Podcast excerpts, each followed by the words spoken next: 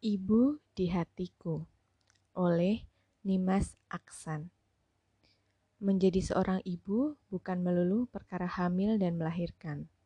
Tanpa harus berdiam di rahimnya, aku tahu dialah ibu yang dipilihkan Tuhan untukku. Sekali lagi aku menguap, sekedar memberi tanda pada pria di sebelahku untuk diam dan tidak berusaha bicara lagi. Karena demi Tuhan, sudah dua jam dia menyiksaku dengan ceramahnya.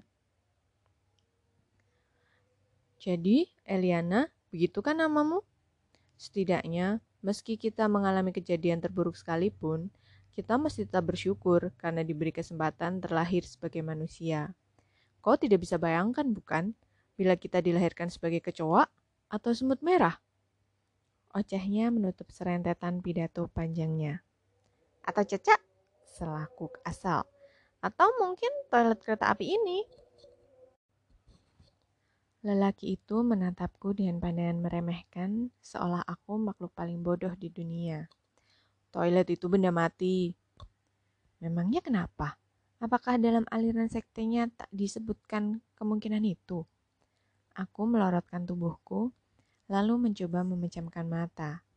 Lelaki itu membiarkanku pura-pura terlelap. Padahal alam pikiranku merambah ke mana-mana. Mengasingkan diri dari suara deru halus kereta api Argo Dwi Pangga yang merayap menembus malam. Kau harus menemuinya. Dialah ibu kandungmu. Ucap halus ibu seraya menyodorkan majalah wanita dewasa yang memajang cover seorang artis parubaya yang masih tampak jelita. Kami sedang duduk bertiga di meja makan tadi pagi. Aku, ibu, dan Arya tunanganku.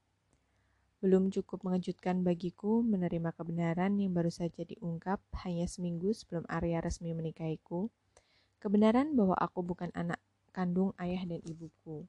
Kebenaran yang tak hanya membuatku syok cukup parah, tapi juga membuatku membeku dalam keterasingan yang mendadak mengepungku. Aku kehilangan kepegangan hidup. Aku menjadi seperti bukan aku, dan sulit bagiku mempercayai apa pun dan siapa pun saat ini. Terlebih mempercayai bahwa arti cantik itulah ibu kandungku yang sebenarnya. Aku gak bisa, Bu. Aku gak bisa tiba-tiba datang ke hadapannya dan mengaku-ngaku sebagai anaknya. Lalu memintanya hadir di pernikahanku.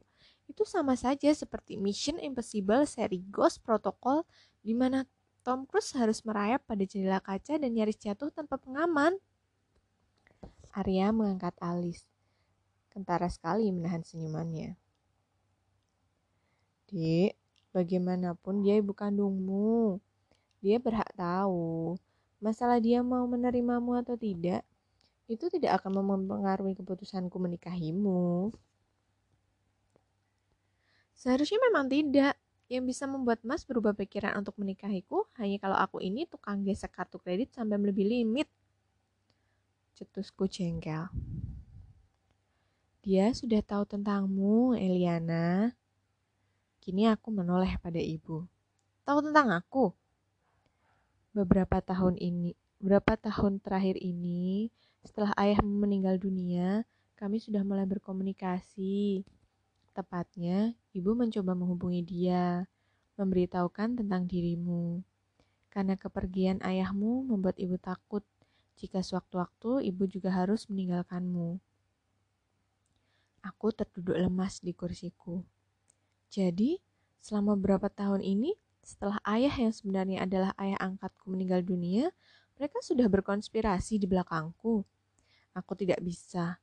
Aku nyaris tidak bisa menerima kenyataan ini terlalu menyesakan untukku dan aku sulit membayangkan harus menemui orang yang sumber hidup belum pernah aku kenal untuk kupanggil untuk kemudian kupanggil ibu.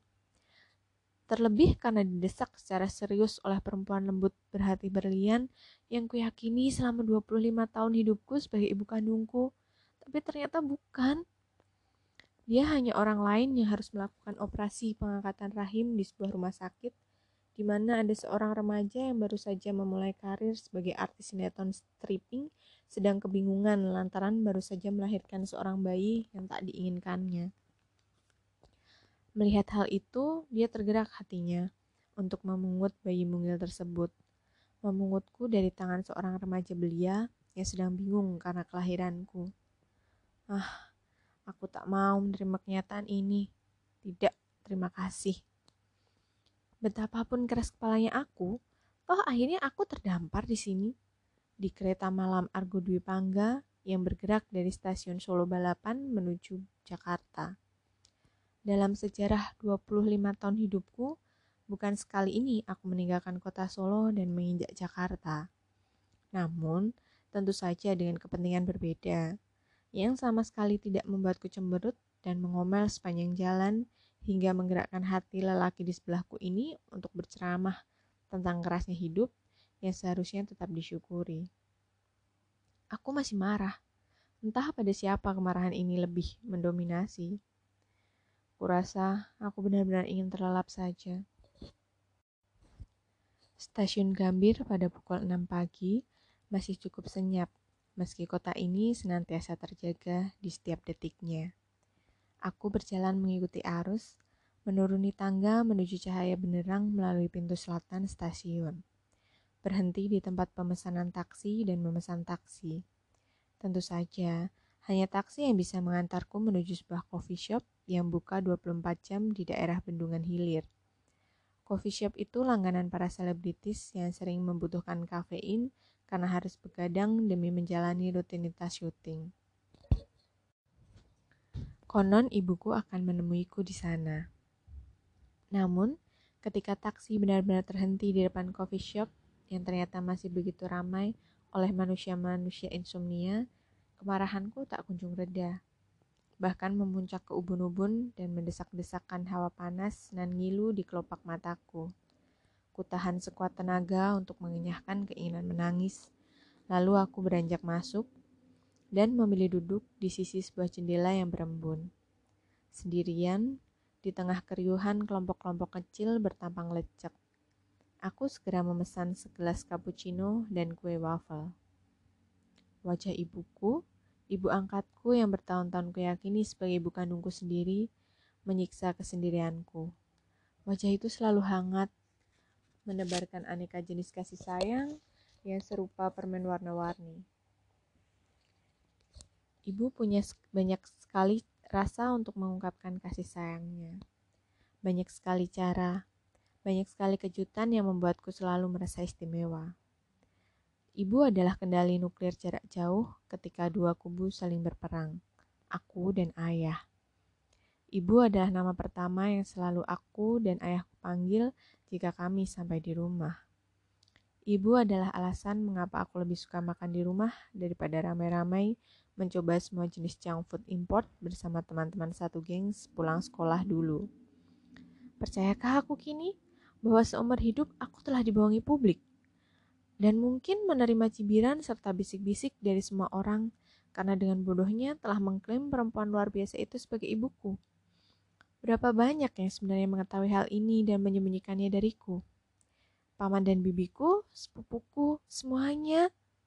Apakah di belakangku mereka menertawakanku karena aku yang begitu manja dan penuh percaya diri menjadi putri dari ayah dan ibuku? Ketika secangkir cappuccino tiba di mejaku, Aku hampir menebasnya dengan tanganku. Aku benar-benar terpuruk. Aku tak siap, dan aku sangat menyesal menolak Arya yang bersedia bolos dari instansinya untuk menemani, menemaniku pergi. Pelayan meletakkan kopiku dengan raut wajah keheranan, dan aku segera menyesapnya untuk menghilangkan sekat di tenggorokanku. Hai, kau yang bernama Eliana. Aku mengangkat wajah. Seorang perempuan yang usianya kupastikan jauh lebih muda dariku, mungkin baru 20 tahun, menatapku penuh selidik. Wajah itu seperti ku kenal, namun aku lupa di mana aku pernah mengenalnya. Rambutnya ikal sebahu, diikat kucir kuda. Matanya bulat dilingkari frame tipis persegi. Dia mengenakan kemeja putih dengan lengan dilipat sampai siku dan celana skinny jeans. Tampak kucel seperti manusia-manusia lain yang berkerumun di sini. Ya, aku Eliana. Kau siapa? Gadis itu menghela nafas, lalu menoleh ke arah meja sebelahnya. Aku turut mengikuti pandangannya. Di sana tampak dua pria dan seorang wanita yang sedang sibuk berdiskusi membicarakan entah apa. Gadis itu mengacungkan jempol pada mereka, lalu dibahas dibalas dengan anggukan. Kemudian dia duduk tanpa menunggu izinku. Eliana, aku Marsha. Aku salah satu tim manajer Sophia Hanum. Kini aku paham. Dia manajer ibuku. Oh, senang bertemu denganmu Marsha. Aku minta maaf sebelumnya. Sophia tidak bisa hadir karena harus pindah tempat syuting pagi ini juga. Jadi aku mewakilinya untuk bicara padamu. Benarkah ini terjadi sekarang? Aku tak tahu harus merasa lega atau semakin marah. Kami sudah janjian pagi-pagi karena menurutnya hanya pagi hari dia bisa ditemui di tempat ini. Dan berhubung lokasi syutingnya sangat dekat dengan coffee shop ini. Aku mengerti kalau kau kecewa, tapi beginilah yang terjadi di dunia pekerja seni. Syuting bisa dipindahkan sewaktu-waktu. Aku sendiri tak bisa terlalu lama menemuimu. Aku hanya ingin menyampaikan pesan Sophia padamu. Aku tidak ingin pesan, aku hanya ingin memberinya ini. Tukasku tiba-tiba didorong rasa terusiknya harga diriku. Aku merogoh tas dan memberikan selai kartu undangan yang sudah kupersiapkan. Marsha menerima kartu undanganku dengan wajah tercengang. Kau akan menikah? Aku mengangguk dingin. Hanya itu yang ingin kusampaikan pada Sophia. Dia ibuku, dia berhak tahu kapan anaknya menikah. Ada seraut ekspresi di wajah Marsha yang tak bisa kubaca. Namun kulihat warna kepedihan itu mengganggu pikiranku sejenak. Marsha menghela nafas, lalu sikapnya mulai tampak santai. Kukira kau menginginkan uang, Eliana. Aku membelalak. Ya Tuhan. Apakah itu yang dititipkan Sophia untukku? Perlahan Marsha mengangguk. Aku menggeleng tak percaya. Kenapa selalu soal materi? Aku bisa saja jauh lebih kaya daripada semua harta kekayaan manusia di kafe ini jika semuanya dikumpulkan jadi satu. Seharusnya seorang ibu kandung tak akan memiliki sikap curiga seperti ini pada anak kandungnya yang hanya datang demi pengakuan. Belum tentu dia mau minta uang. Dan tak semua hal bisa diselesaikan dengan uang. Apa yang lebih buruk dari ini? Dilahirkan sebagai cacing tentu saja. Aku tak butuh uangnya, Marsha aku bisa jadi jauh lebih kaya daripada dia.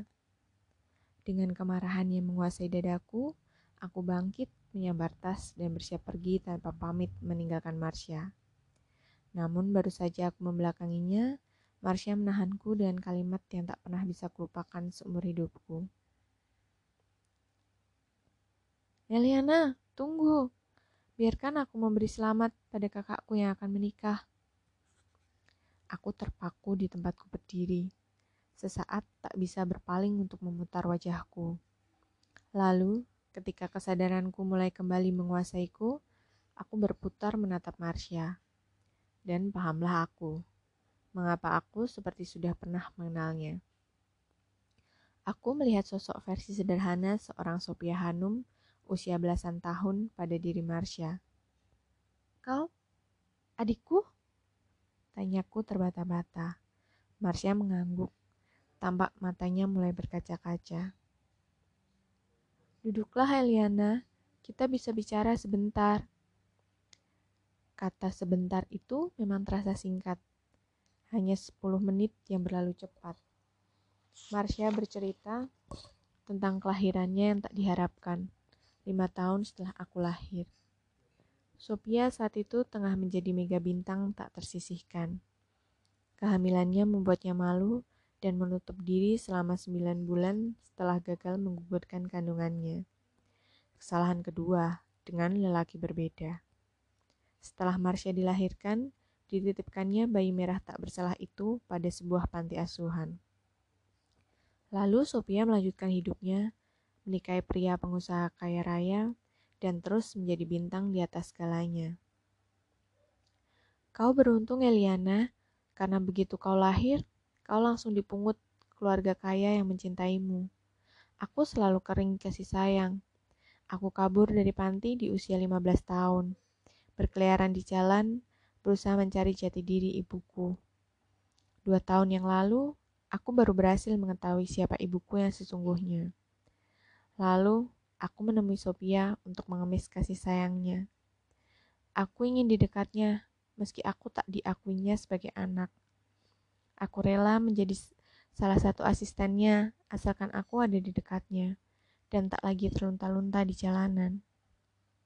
Bersamanya, aku merasa menemukan jati diriku. Uraian panjang yang diungkapkan Marsha membuatku tersadar akan kebenaran kata-kata yang diucapkan lelaki di kereta semalam. Dan melihat Marsha sekarang, mendadak semua kemarahanku lenyap tanpa sisa. Marsha, kau begitu tabah, Aku tak pernah bisa berbuat sepertimu. Aku tak pernah mau berada di dekat seorang ibu yang seperti itu. Desisku. Itu karena kau memiliki seorang ibu lain dalam hidupmu, Eliana. Tidakkah kau bersyukur? Bisa saja kehidupanmu lebih buruk jika saja ibumu yang sekarang tidak memungutmu sebagai anaknya. Ya, kau benar. Kita bahkan bisa saja dimakan kucing kalau ditinggalkan begitu saja di terminal bus. Marsha tersenyum kecut menanggapi komentarku. Seumur hidupku, aku selalu merindukan sosok seorang ibu. Dan ketika aku mengetahui jati diriku, kuhabiskan seluruh waktu remajaku hanya untuk mencapainya, bertemu dengannya. Aku tak ingin jauh lagi darinya, meski aku harus menjadi keset ataupun kain lap yang dari waktu ke waktu membuatnya lebih nyaman. Aku tercengang, mencoba memahami kata demi kata yang disampaikan gadis muda ini. Tiga orang yang duduk di sebelah kursi kami mendadak berdiri dan menggandeng lengan Marsha. Mungkin memang Marsha tak punya waktu banyak untuk menemui lagi sehelai benang merah dalam hidupnya. Keluarga yang dirindukannya, juga aku, kakaknya. Marsha bangkit dan wajah penuh penyesalan. Aku tak bisa lama-lama, akan kusampaikan pada Sophia bahwa kau akan menikah Semoga dia bisa hadir. Diacungkannya undangan pernikahanku. Wajahnya yang sendu mencoba tersenyum. Aku ikut bangkit. Marsha, tolong jangan berikan undangan itu kepadanya. Senyum Marsha lenyap. Mengapa? Bukankah kau ingin dia hadir? Tidak juga. Aku tidak berniat pernikahanku dihadiri selebritis. Undangan itu untukmu. Aku mengharap kehadiranmu. Kau bersedia? Selapis demi selapis kabut seperti terangkat dari wajah muram itu. Marsha menatapku dengan pandangan tak percaya. Tentu saja aku mau. Aku mau. Entah siapa yang memulai, tiba-tiba saja kami sudah berpelukan. Sekelumit haru menyesak di dadaku. Bukan lagi kemarahan seperti beberapa jam sebelumnya. Namun, sepenuh hatiku disesaki oleh keajaiban karena tiba-tiba saja dalam waktu singkat, aku memiliki seorang adik. Seorang adik perempuan. Tuhan kurang baik apa? Aku menyusut air mata yang kini tak lagi malu-malu meluncur di sudut mataku. Paling tidak, aku dilahirkan dengan keberuntungan yang lebih dari manusia biasa lainnya. Dan aku tidak dilahirkan sebagai tikus atau kecoa.